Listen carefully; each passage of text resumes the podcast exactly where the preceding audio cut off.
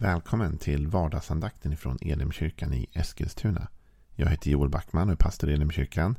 Om du vill veta mer om vår församling, vilka vi är, vad vi står för och vad vi har att erbjuda dig så gå in på www.elimkyrkan.com.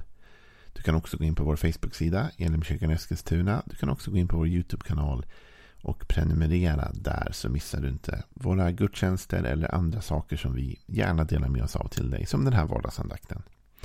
Vi vill också tipsa dig om Bibelskola Tillsammans som är en digital bibelskola i samarbete med Bromma folkhögskola. Det är två dagar i veckan, tisdagar och onsdagar mellan 10 och 3. Från och med hösten nu till och med framåt jul. Det är termin man läser. Halvfartsstudier, man kan få CSN-bidrag om man vill.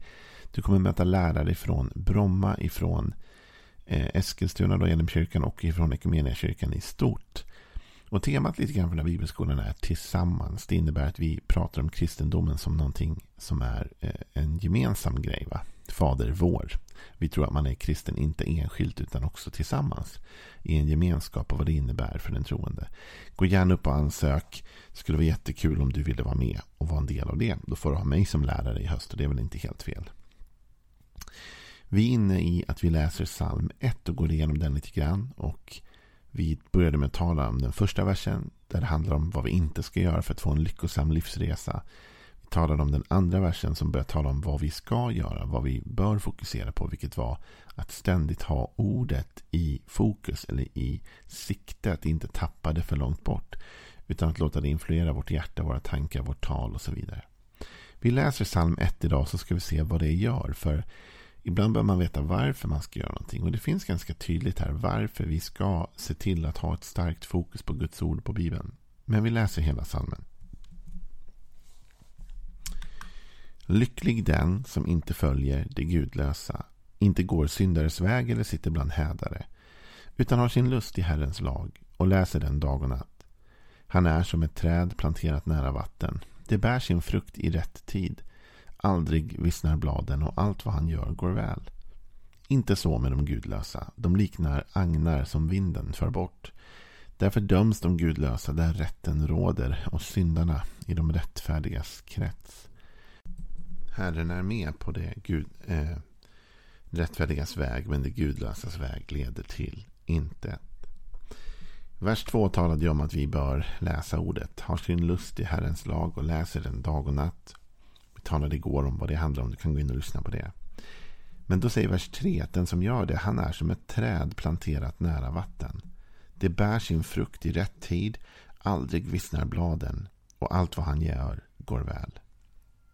Det här är ju typ en målbild som jag antar att de flesta av oss människor drömmer om. Att få vara planterad nära vatten, att, att känna att vi bär frukt. Att bära frukt det är ju att vara produktiv, eller hur? Det är att producera någonting. Ett träd producerar frukt. Så när vi bär frukt, då är vi produktiva. Då, då bidrar vi med någonting. Vi skapar någonting. Någonting kommer ur vårt liv av värde. Och Det är klart att alla människor vill bära frukt. Och i rätt tid dessutom. Det är det man verkligen vill.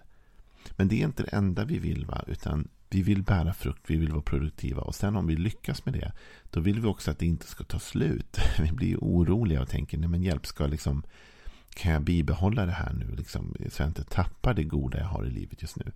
Ganska många människor kan ju leva med en sån rädsla. Att, tänk om jag tappar det goda jag har. Men här säger Bibeln att den som är, har sin lust i Herrens lag och har den liksom alltid inom blickomfånget, alltid i sikte på något sätt. Den är ett träd planterat nära vatten. Det bär frukt i rätt tid. Så okej, okay, vi kommer producera om vi gör det. Det faktiskt leder till ett mer produktivt liv. Och aldrig vissnar bladen. Det vill säga vi tappar inte det. Va? Utan Guds ord hjälper oss att bibehålla. Inte bara få frukt utan bibehålla. Att se till att det vi skapar, det lyckas, det hålls kvar, det fungerar. Och allt vad han gör går väl. Wow, vilket löfte. Att bära sin frukt i rätt tid. Att vara produktiv. Guds ord hjälper dig och mig med detta. Ibland tänker vi kanske varför ska jag lägga tid på att läsa Bibeln? Okej, okay, tillbaks till ett exempel jag använde igår när jag talade om det här med studier. Nej, men om jag ser det som en dygd jag måste göra. Om jag ser studierna som en, någonting jag måste göra för att någon annan säger det eller kräver det. Då tappar man ett visst engagemang. Men om jag förstår syftet med det, det vill säga det här kommer leda mig någonstans. Det här kommer producera bra resultat för mig. Då vill jag göra det. Jag kommer aldrig glömma, vi hade när jag var ungdomspastor i Pingstkyrkan i Huddinge, eller Södertörnkyrkan som den då hette. Så eh, hade vi en, en man i församlingen som var eh, väldigt framgångsrik på många sätt. Hade lyckats med mycket i livet. Intressant kille, man, kar får man säga. Han var ju äldre nu. Eh, han ville få komma och prata med ungdomarna en gång. Så han sa till mig så här, Joel kan jag få komma en fredag och, och prata med ungdomarna? Och jag tänkte, men det kan ju bli intressant. För jag tror att den här killen har något vettigt att, att dela med sig av. Liksom. Han var andlig och han hade också en spännande livsberättelse. Så han fick komma. Och så kommer han och så träffar han ungdomarna och så berättar han. Och han ritade upp på en tavla, vi hade en stor, eh, han hade tagit fram en whiteboard, han hade bett om att få det. Och så ritar han ett långt, långt streck och så säger han så här. Låt oss säga att det här är ditt liv liksom. Från noll till hundra år liksom. Så här, bam. Och så hade han gjort ett litet streck så här. Ehm, och så tog han en liten, liten ring hyfsat i början av det där strecket. Och så sa han så här. Det här är dina studier. Och så sa han, om du gör det här och så drog han ett streck över resten av, av det här livet. Så han, det här kommer påverka allt du gör resten av ditt liv. Det här kommer ligga till grunden. Det är en så liten del av strecket men det kommer påverka resten av hela strecket. Och jag kommer ihåg att när jag hörde honom säga det så tänkte jag wow, tänk om man hade fått en sån motivation innan man pluggade. Så man hade förstått att det poängen med den här tiden nu är att bädda för det där. Vet du, om jag önskar att jag kunde visa dig hela ditt liv och kunde visa dig allt det som kommer gå bra eller kan gå bra i livet, segrar, framgång, allting sånt där. Och så kunde jag visa dig att det här är beroende på den tid du la i ordet. Det här är på grund av att du läste Bibeln där eller där. Det här är på grund av att du hade låtit ordet landa i ditt hjärta som gjorde att du formade bättre beslut, som gjorde att du talade bättre, som gjorde att du hade bättre etik och moral kanske, som ledde dig in på en viss väg i livet. Det är därför det har gått bra för dig. Då tror jag att du skulle känna dig mer motiverad att läsa Bibeln.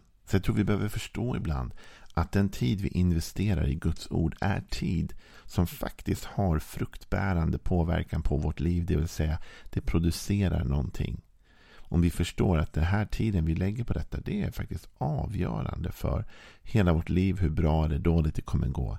Ligger mycket i grunden detta. Har jag låtit ordet formas i mitt hjärta, i min tanke? Har det varit med mig dag och natt i meningen att jag fokuserar på det ständigt? Det finns med mig. Då är man som ett träd planterat nära vatten. Och det här visar också någonting. Det visar att ordet är näring. Ordet är näring för oss att kunna bära frukt. Vet, ett träd för att kunna bära frukt behöver ju vatten. Vi hade några varma veckor här för ett tag sedan i Sverige och eh, det vart alldeles, eh, gräsmattan höll på att bli gul här. Och, liksom, Eh, vi hade ju planterat lite i våra, våra, vi har som några olika land som vi kan plantera i.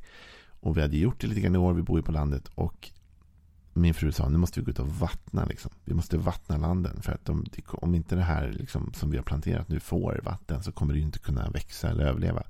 Så vi fick gå ut och vattna på lite grann för att det var liksom för torrt helt enkelt. Det hade inte kommit någon regn. Eh, och du vet, så är det med dig och mig med. För att producera det Gud vill att vi ska producera i livet behöver vi vatten. Och vattnet kommer ur ordet. Här jämställs faktiskt Guds ord med det vatten som ett träd behöver för att bära frukt. Och Det innebär att ordet är den näring som du och jag behöver för att producera det Gud vill att vi ska producera i livet. Jag hoppas det inte var för krångligt det där. Men ordet är det vatten du och jag behöver för att producera den frukt som Gud vill att vi ska producera i livet. Så utan Guds ord kan vi inte bära god frukt. Det blir svårt. Du vet Jesus han säger själv att vad? Jag är, antagligen om sig själv som ordet, eller hur? I begynnelsen var ordet, ordet var hos Gud. Och ordet var Gud. Och Jesus säger vid ett tillfälle till sina lärjungar. Utan mig kan ni ingenting göra. Ni blir fruktlösa. Ni kan inte bära frukt utan mig. Och det innebär att han var vattnet för oss. På samma sätt som ordet här är vattnet. Aldrig vissnar bladen, allt vad han gör går väl. Det här är inte bara ett koncept som vi finner här i Saltaren 1. Det är precis det här som jag berättade om att när Josua tar över efter Mose som ledare och ska leda folket nu framåt genom Egypten. Då talar Gud till Josua och ger honom råd. Och han säger åt honom att han ska läsa Bibeln. Och så säger han också varför, eller Bibeln då, med den lag man hade då som ju nu är vår Bibel. i Josua kapitel 1, vers 7. Så var tapper och stark. Följ troget den lag som min tjänare Mose gav dig. Vik inte av från den åt vare sig höger eller vänster. Så får du framgång i allt vad du gör. Ha alltid denna lag på dina läppar. Läs lagens bok dag och natt så att du troget följer allt som står där. Då kommer allt du gör att lyckas. Och då får du framgång. Vilken otrolig bibeltext. Men den säger också någonting mer. va? Och den säger att det handlar inte bara om att läsa ordet. Det handlar också om att göra ordet. Men det börjar ju med läsandet.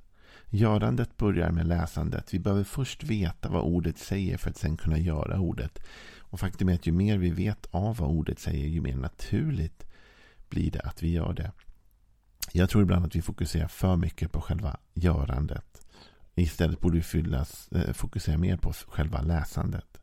Därför jag är övertygad om att om vi läser Bibeln regelbundet så kommer vårt görande att förändras. Men eh, om vi läser sällan, då påverkas vi inte. Men när vi läser hela tiden, när vi har det dag och natt, när vi inte låter det falla bort från våra ögon, när det finns med oss hela tiden i livet.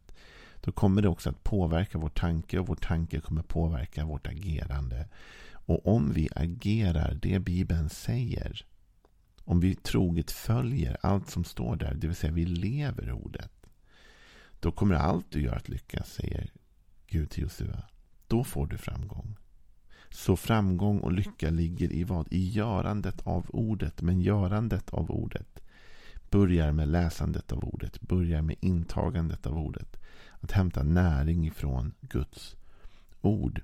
Jag tror att du behöver börja där. Så det är en uppmaning till mig i sommar, till dig. För nu går vi snart in i lite sommarvila och du kanske redan har semester eller nästan har haft din semester. Men vissa av oss ska fortfarande gå på semester.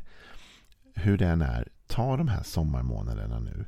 Att lägga lite extra tid i ordet. Du kanske frågar mig, Joel, hur ska jag göra för att få en lyckad höst? Eller för att få liksom framgång i mitt liv framöver? Hur ska jag göra för att det här året, hösten ut, liksom ska bli bra?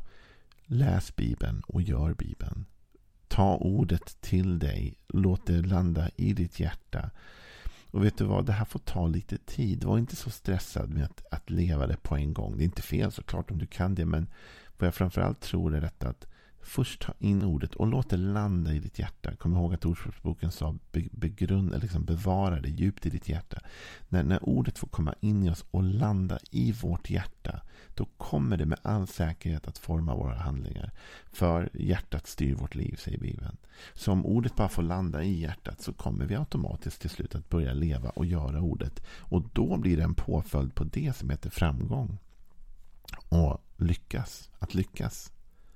Så vägen till att lyckas, vägen till framgång går ändå genom ordets intagande och landande i mitt hjärta. Och det är därför som David i den här psalm 1 säger att den är lycklig som har sin lust i Herrens lag och som läser den dag och natt. Han är som ett träd planterat nära vatten som bär sin frukt i rätt tid. Aldrig vissnar bladen och allt vad han gör lyckas. Det vill säga, om ordet får vara din källa, din näring, då kommer det du gör på din livsresa att lyckas. Och då är det bara en detalj där som jag vill få anmärka på igen. Och det är att faktiskt psalmet säger bär sin frukt i rätt tid. Det bär inte alltid sin frukt i den tid vi vill. Det producerar inte alltid när vi vill. Men det bär sin frukt i rätt tid. Jag är samma nu, du vet. Jag kan gå ut i landet här ute och titta och och, och, jag har planterat grejer där. Jag har ju vattnat också när det var varmt. Men jag kan inte påtvinga skördetiden. Utan det är färdigt när det är färdigt. Liksom. Jag kan ju ge det bättre förutsättningar att växa och så vidare.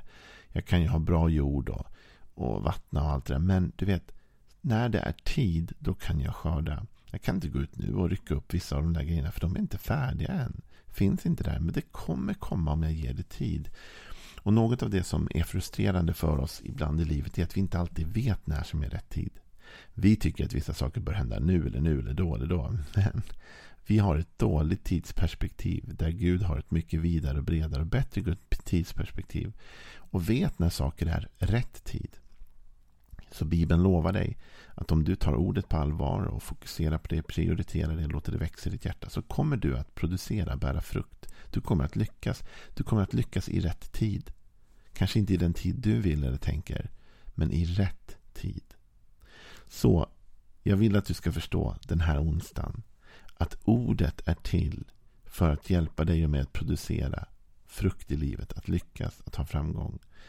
Och det måste vi förstå att en investering i ordet är en investering i oss själva och i vår framtid. Den tid du lägger i ordet kommer att löna sig. Det kommer att ge frukt. Ha en välsignad onsdag. Vi hörs imorgon. Hej!